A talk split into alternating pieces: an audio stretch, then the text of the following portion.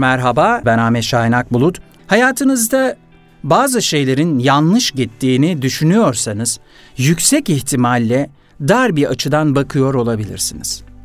Dar açı baktığımız yönü sığ bir çerçeveden değerlendirmemize neden oluyor çoğu zaman. Hani çok güzel sözlerimiz var kültürümüzde de at gözlüğü takmak deyimini hatırlayın.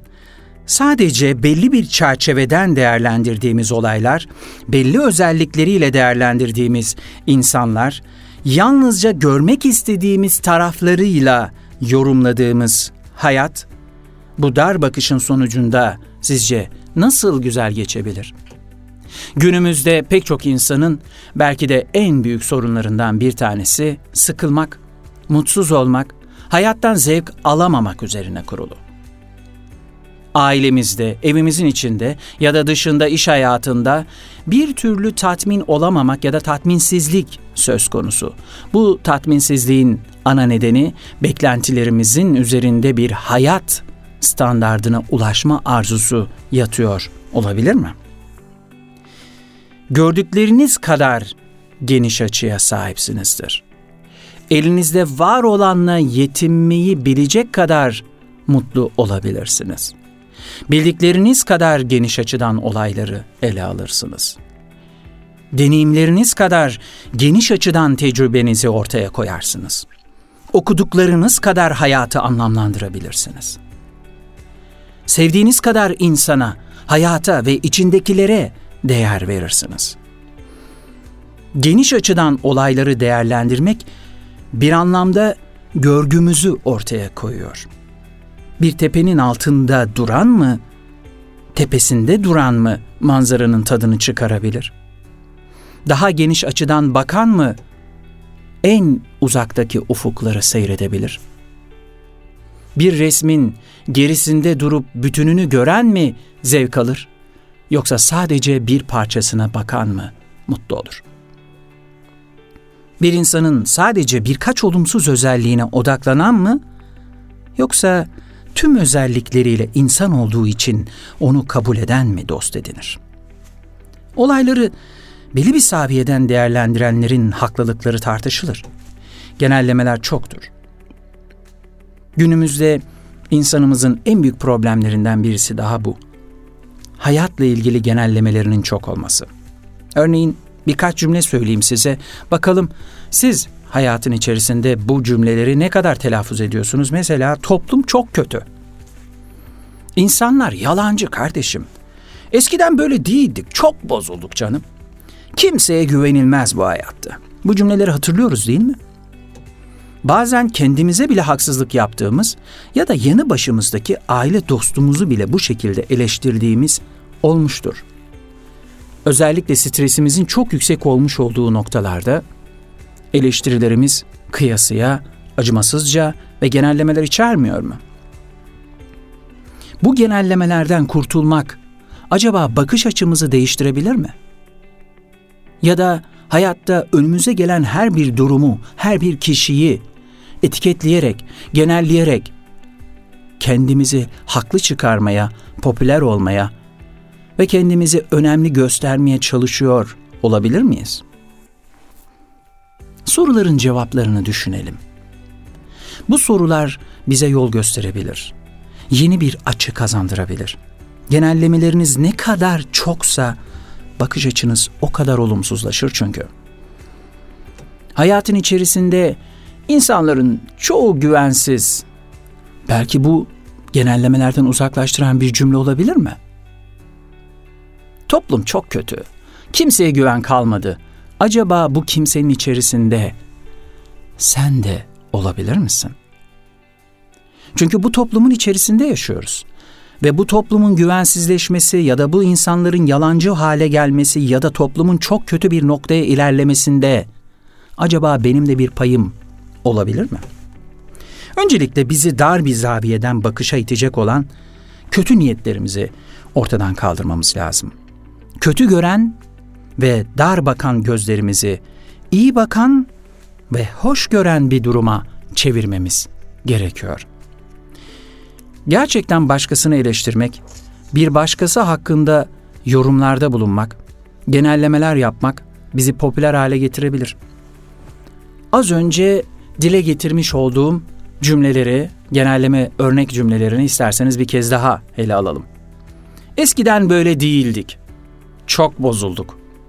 Bu genelleme cümlesinden nasıl kurtulabiliriz? Eskiden böyle değildik. Çünkü eskiden bu kadar çok fazla insan yoktu. İletişim bu kadar çok fazla değildi ve haberler, bilgiler bu kadar pervasızca ve bir çöp niteliğinde paylaşılmıyordu.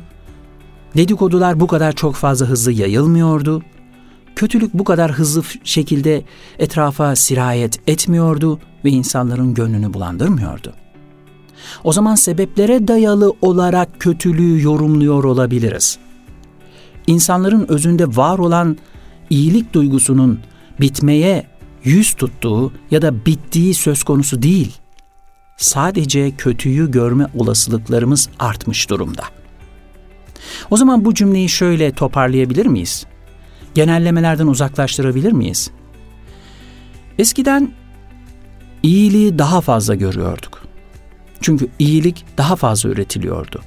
Belki de biz böyle yorumluyorduk. Şu anda da iyilik oldukça fazla. Sadece kötülüğü resmeden ve kötülüğü ortaya koyan sebepler televizyon, internet, sosyal medya mecraları bize kötülüğü daha fazla aşıladığı ve gösterdiği için biz toplumun kötü olduğunu yorumluyoruz.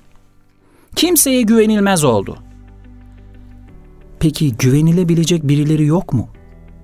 Var. Peki güvenilebilecek insanların güven duygusunu sarsan, acaba benim tutumlarım benim gibi olumsuz düşünen insanların tutumları olabilir mi? Acaba kendimden başlayabilir miyim? Bunun yerine şöyle söylesek, insanların bir kısmı güvensizdir ve hayatın her noktasında, her zamanında, her zaman diliminde güvensiz insanlar olmuştur.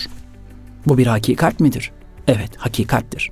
Habil ve Kabil'den bu yana insanın içerisindeki kötülük duygusu ortaya çıkmıştır ve giderek büyümektedir. İnsanlar çoğalmaktadır ve kötülük daha fazla görülmektedir. Kötü gören ve dar bakan gözlerimizi iyi bakan ve hoş gören bir duruma çevirmemiz gerek. Ki güzel görsün hoş gözlerimiz. Görsün de güzel düşünsün her şeye dair. Düşünsün de zevk alsın şu kısacık ömürden. Kimi insanlar vardır ki aynı nesneye bakarken bile bizim gördüklerimizden çok daha fazlasını görebilir. Çünkü onlar her zaman sınırlarını genişleterek bakabilmenin ayrıcalığını keşfetmiş. Hayata olabilecek en geniş çerçeveden bakabilmeyi bir yaşam biçimi haline getirmişlerdir. Çevrenizde bu tarz insanlar vardır. Onları rol model alabiliriz, örnekleyebiliriz. Eğer siz de baktığınız nesnelerde eksik bir şeyler olduğunu hissediyorsanız ya bakış açınızı ya da baktığınız resmin çerçevesini genişletmelisiniz. Eğer siz bir kişide eksik bir şeyler görüyorsanız onun dolu taraflarını, olumlu taraflarını size henüz göstermemiş taraflarını görebilmek için o kişiye bakış açınızı değiştirebilirsiniz. Gelin daha geniş çerçeveden bakabilenlerin dünyasını daha yakından görmeye çalışalım.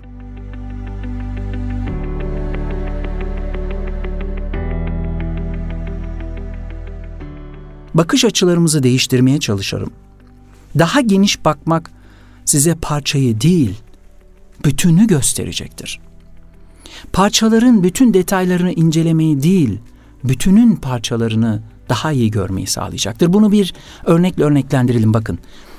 Çocuklarımız oynar. Bazen yetişkinlerde de görüyorum. Küçük puzzle parçalarını birleştirerek büyük bir resim oluşturuyoruz. Bu büyük puzzle'ın sadece küçük parçalarına bakarak büyük resim hakkında karar verebilir miyiz? Elbette ki veremeyiz. Hatta bin parçalık bir puzzle'ın 500 parçası bile bir araya gelmiş olsa farklı farklı yerlerde olacaktır bu 500 parça çünkü. Bütün hakkında karar vermek çok zordur. Bakın %50'den bahsediyorum. İnsan derin bir muamma. Hayat bilinmezlikleriyle derin bir muamma.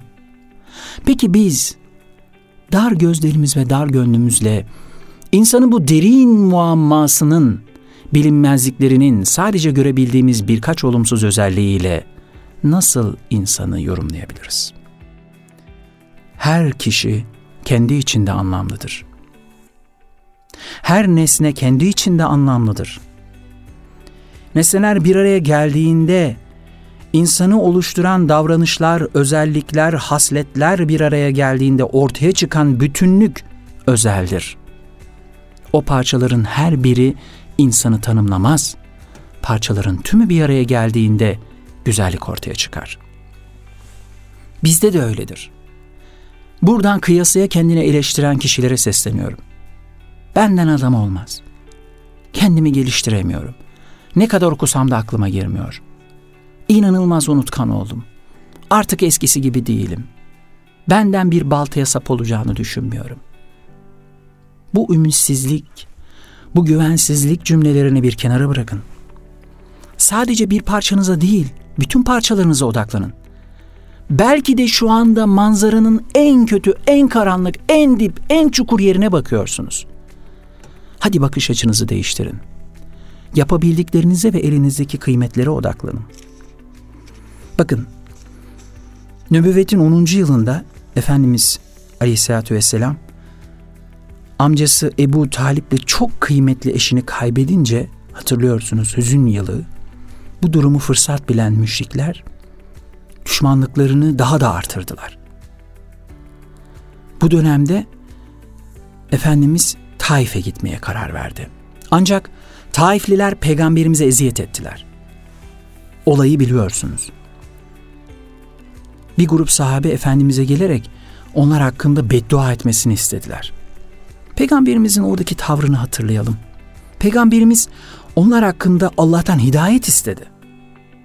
Hatta melek geldi, dilersen dedi, bu kavmi, bu topluluğu yerle bir eder, ederim.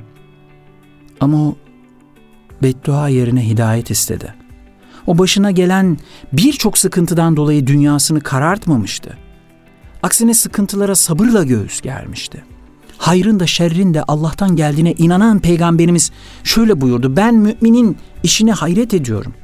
Bakın bakış açısına bakabilir miyiz? Nasıl bir geniş bakış açısı olduğunu görebilir miyiz?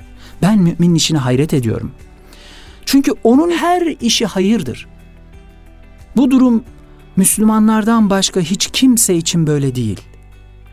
Şayet ona bir sevinç verici bir olay bir şey isabet ederse Mümin şükreder, bu kendi lehine bir hayır olur. Şu bakış açısına odaklanmanızı istiyorum. Başına gelen hayra şükreder, tamam, olumlu. Fakat devamını dinleyelim. Devamında ne diyor? Eğer ona zarar verecek bir durum diyor isabet ederse sabreder. Bu da onun lehine bir hayır olur. Olan her olaydan bir hayır çıkartan bir peygamberin ümmeti olarak bakış açımız nasıl olmalıdır?